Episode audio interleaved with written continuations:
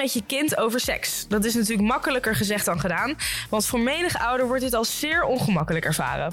Ja, want hoeveel moet je vertellen? En wanneer is iets te privé om te bespreken? En hoe weet je of je kind er al aan toe is? Ja, in deze podcast komen de echte experts aan het woord, namelijk de jongeren zelf. En de rollen worden dus even omgedraaid. De jongeren geven advies aan de ouders. Het is tijd voor Dance for Life's Sekspraat.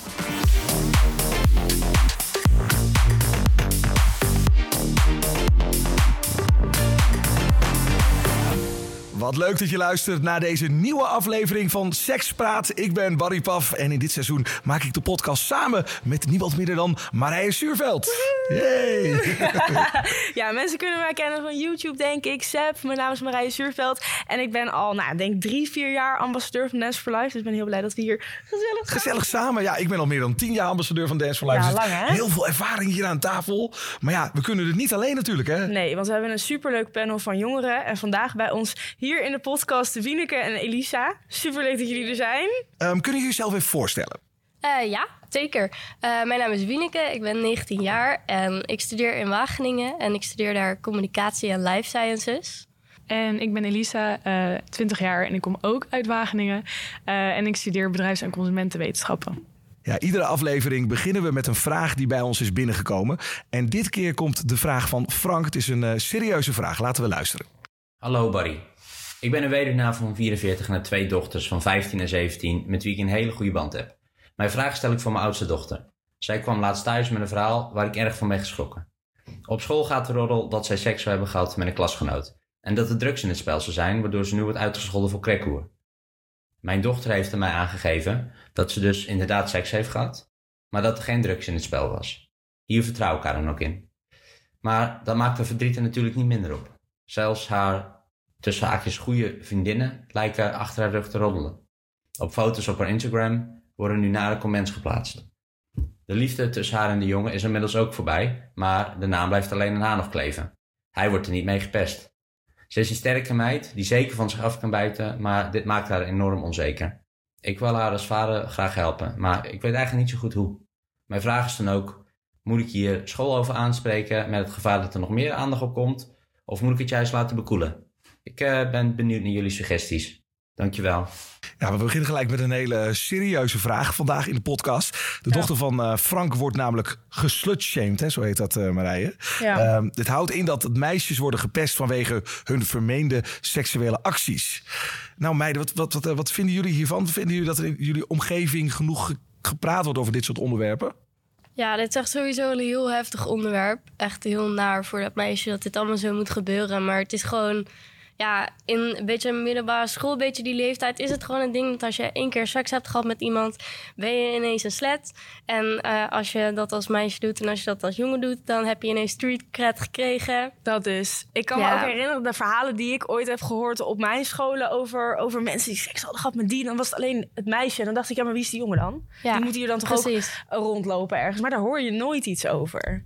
Het is altijd alleen maar de is zo zonde. Ja, en dat ik dan denk, weet je, dat ze ook een keer seks heeft gehad. Weet je, leuk voor haar. Als het toch een leuke ervaring was, dan is het toch niet een slet als ze één keertje seks heeft gehad. Nee, want daar gaat het natuurlijk in deze vraag niet per se over. Hè? Of dat verder nog een, of een negatieve ervaring was. Maar ja, het feit dat het natuurlijk zo de school in is geworpen. Zo van, oh, en drugs en dit en dat. Het is wel gelijk heel veel. Uh, ja. Gelijk drugs wordt erbij gehaald ook.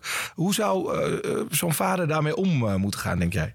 Ik denk dat uh, hij sowieso het gesprek aan moet gaan eerst met de dochter. Uh, hoe de dochter zelf denkt dat uh, hij haar kan helpen. Want ik denk dat zij daar zelf misschien wel een idee over heeft. En als ik me zo kan verplaatsen in haar. het laatste wat ik zou willen is dat school erbij betrokken wordt. Omdat het dan inderdaad groter gemaakt wordt.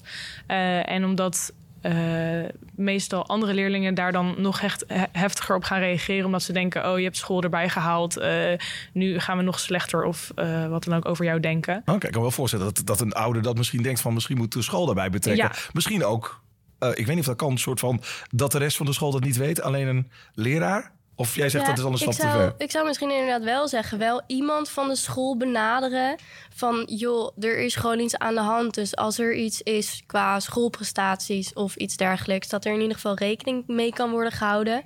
Misschien niet per se in detail ingaan wat er is gebeurd, maar gewoon dat er iets met haar speelt. Zodat niet alle leraren ook weten wat er met haar aan de hand is. En als ze dan de klas binnenloopt, dat ze dan door de leraren het gevoel heeft dat ze gek aangekeken wordt of zo. Maar wel dat school in ieder geval weet dat er iets aan de hand is. Ja, daar, ja, daar ben ik het ook zeker mee eens dat je een docent wel inlicht over haar uh, privésituatie. Maar ik zou niet zozeer uh, zo snel school een rol laten spelen in het oplossen van het probleem. Ja, zo meer. Nee. Ja, ja, ja. Uh, tenzij zij daar zelf aangeeft dat ze daar behoefte aan heeft. maar ik zou inderdaad dus uh, als vader het gesprek aangaan van... is er een manier waarop ik jou kan helpen? Is er een manier waar, waarop ik ervoor kan zorgen dat je je beter voelt? Uh, al is dat misschien uh, door het probleem op te lossen... of misschien op een ander gebied dat zij het idee heeft van...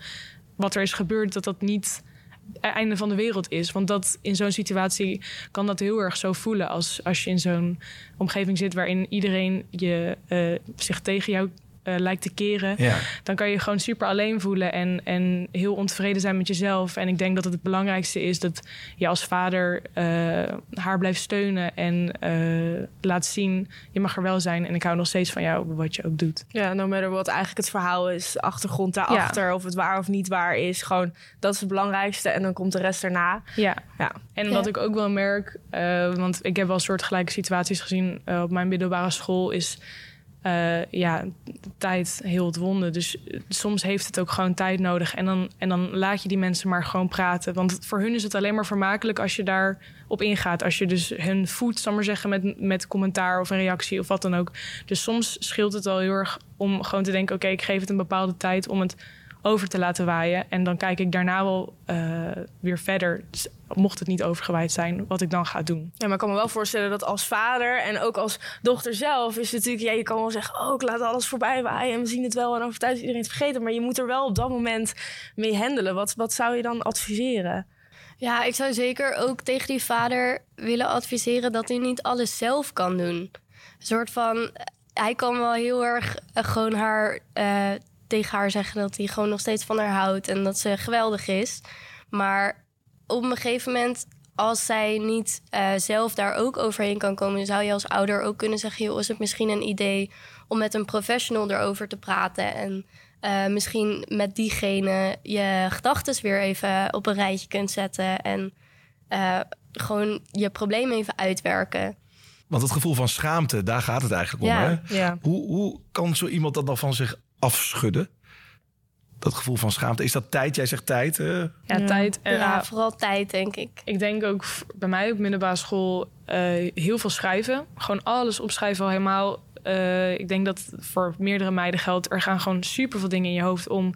en als je het op papier zet, dan lijkt het overzichtelijker. En dan kun je er ook kan je het relativeren. Want dat leren relativeren, dat, dat is echt iets wat mij heel erg heeft geholpen in mijn puberteit om dingen van een ander ja, perspectief te zien en een andere context te plaatsen, waardoor het opeens minder erg of minder drukkend of minder verdrietig werd. Dus dat is meer uh, persoonlijk, maar ik ben ook voorstander om altijd overal over te blijven praten. Uh, en ik denk dat het goed is als die vader dus regelmatig het gesprek aan kan gaan van goh, hoe voel je je? Uh, hoe gaat het? Zijn er nog dingen gebeurd waar je mee zit? dus, en kan ik dan iets voor jou, kan ik iets voor jou doen? Eigenlijk bijna een beetje zo over de tijd updaten. Van hey, hoe gaat het nu? Ja, heb je al iemand gevonden waarmee je het over kan hebben? over blijven praten en niet maar op een gegeven moment denken... oké, okay, nou is het drie weken geleden, nou uh, is het niet meer belangrijk. Ja. Maar dit is gewoon iets wat je wel nou ja, voor je leven misschien wel meedraagt. Uh, en dan is het gewoon belangrijk om er inderdaad over te blijven praten en schrijven... en om het gewoon te blijven verwerken. En ik denk ook als ouder om vooral te luisteren. Het hoeft niet altijd, je hebt niet altijd uh, advies nodig van. Ik heb niet altijd advies nodig van mijn ouders, maar vooral dat ze naar mijn verhaal willen luisteren en dat ze er gewoon zijn. Dat kan al heel veel schelen. En zouden ouders dan ook een rol vooraf kunnen hebben. Dat ze misschien uh, al een keer zo'n gesprek hebben gehad. Een soort met voorbereiding. Een, ja, een soort voorbereiding. Van, nou ja, we leven in een digitale wereld. Er wordt veel uh, via Snap, Insta, wordt er veel gedeeld. Er wordt gepest. Dat je misschien al, ik, ik weet het niet, maar misschien van tevoren al eens een keer goh, een gesprek hebt van... Hey, ik ben er voor je. Ja, dat, ik denk dat zeker in uh, ik vind het lastig in te schatten in hoeverre je dan in detail moet, moet treden van mhm. stel dit gebeurt, dan ben ik er voor je. want dan, dan schets je al een bepaalde situatie waarvan een kind kan zeggen, ja, maar dat doe ik toch niet. Oké. ja. het is ehm, ook niet iets wat je op jezelf oproept, afroept of zo. Nee, Dit is zeg maar één in die zoveel meisjes op wie dit gebeurt. Eh, dus dat is niet iets waar je als ouder van uitgaat dat het gebeurt. Ja, nee, precies. omdat deze podcast natuurlijk veel ook door ouders geluisterd wordt. Ja. ja. Nou ja, je kan er altijd natuurlijk over beginnen van... goh, eh, ik heb gehoord dat dit met uh, dit meisje is gebeurd.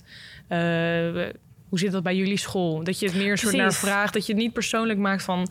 Uh, ja, maar jij gaat toch nooit dit en dit sturen? Want dan verwijt je meteen iemand iets. Maar dat je gewoon zegt, dit is wat ik heb gehoord. Hoe denk jij daarover? En daarom zitten jullie nu bij ons om dit te vertellen. Oh, ja. ja. ja. Je gooit eigenlijk het onderwerp een beetje op... om te kijken van, hey, hoe reageren ze daarop? Wat vinden ze erover? Wat denken ze erover? Misschien kan je daarin stiekem eigenlijk een beetje advies zo Dus niet persoonlijk maken, niet niks verwijten. Altijd vanuit jezelf praten van, ik heb dit gezien... Uh, en ik ben benieuwd naar, naar jouw mening. Of hoe denk je erover? Dan kan best zijn dat ze dan zeggen... ja, mam, daar wil ik niet over praten. Of ja, pap, uh, dat, dat gebeurt echt niet. Maar dan heb je het in ieder geval een zaadje geplant. En het kan best zijn dat ze er dan nog zelf s'avonds over nadenken... van oh ja, ja, ja, misschien moet ik daar wel mee oppassen. Ja, of misschien dat, dat, dat hij denkt s'avonds... oh, ik heb eigenlijk toch wel een verhaal meegemaakt van school. Laat ik er toch morgen even over praten ja, met mijn ja, vader. Ik denk dat het drempel ook wel, als je het als ouder er misschien gewoon niet één keer... maar gewoon wat vaker gewoon erover hebt en vaker dat soort onderwerpen aansnijdt, dat de drempel ook al iets lager wordt. een beetje uh, gewoon laten vallen. Of misschien een eigen blunder. Want uh, nou ja, ik weet bij mij thuis dat mijn vader uh, genoeg blunders heeft gemaakt vroeger in, in zijn liefdesleven. En, en die vertelt hij aan mij. Waardoor ik ook denk van, oh ja, maar jij bent ook onwetend en, en verliefd geweest. En, en misschien is soms een beetje dom. En dan durf je ook sneller zelf iets te delen als iemand anders zich kwetsbaar opstelt tegenover jou. Dus dat, heb, merk ik dat het bij mijn ouders heel erg werkt. Als ze zich kwetsbaar opstellen tegenover mij, dat ik dan ook dat veel makkelijker durf tegenover hen. Ja, dan wordt het ook misschien iets meer een gesprek in plaats van ja. een gesprek met je ouder die dan... een gesprek met je ouder. Ja, ja, nou zeg maar zo'n persoon die net iets boven je staat, weet je wel, die alles wetend is. En als je dan als ouder ook laat zien van, joh, ik weet ook niet alles, maar ik ben er wel voor je. Dan dat het misschien een iets opener gesprek wordt in plaats van ja, gewoon een advies inderdaad. Uh, er, zijn, er zijn wat harde cijfers over dit onderwerp. Um, die komen vooral uit Vlaanderen. Uit recent Vlaams onderzoek bleek dat maar liefst 1 op de 5 tienermeisjes in haar jeugd te maken krijgt met slutshaming. 1 op de 5, hè? Mm -hmm. Ja, dat is echt heel veel. En de gevolgen hiervan zijn uh, veel erger dan van pestgedrag. Uh, heb jij te maken met slutshaming en wil je daarover praten of wil je daar graag bij geholpen worden? Kan je altijd contact opnemen met, met Dance for Life. Ja, en over die 1 op de 5 meisjes. Ik heb dus van de week nog een poll geplaatst op mijn Instagram. Uh, met de vraag of uh, jij eigenlijk ooit gepest bent vanwege een seksuele ervaring. Nou, ik kan je laten zien, daar kwamen echt ontzettend veel reacties op. 9% van mijn volgers is het, ja, die is wel eens gepest. Eigenlijk best weinig. En 91% gelukkig niet. Maar eigenlijk aan de hand van alle reacties die ik heb gekregen voelt die 9% toch wel. Ja, je weet nou, ook niet of die 9% nou, zeg maar, die 91% mensen zijn die het niet is gebeurd of die het niet willen vertellen. Dat kan ook Precies. Nou ja, ik kijk even mee op jouw telefoon ik en jij echt, bent er ik blijf scrollen. maar scrollen. Het, is heel bizar. En het gaat echt van, van het uiterste naar het uiterste. Want het gaat over meiden die inderdaad een verhaal hebben meegemaakt... zoals wat we hier besproken hebben. Dus van, ik heb een seksuele ervaring al gehad... waarover wordt gerold, waarin overdreven wordt... en waarin van alles bijgehaald wordt. Maar ook meiden die zeggen, ik heb nog geen seks gehad... en daardoor word ik gepest. Dus eigenlijk die other way around. Ja, je zou denken, Letterlijk. dan...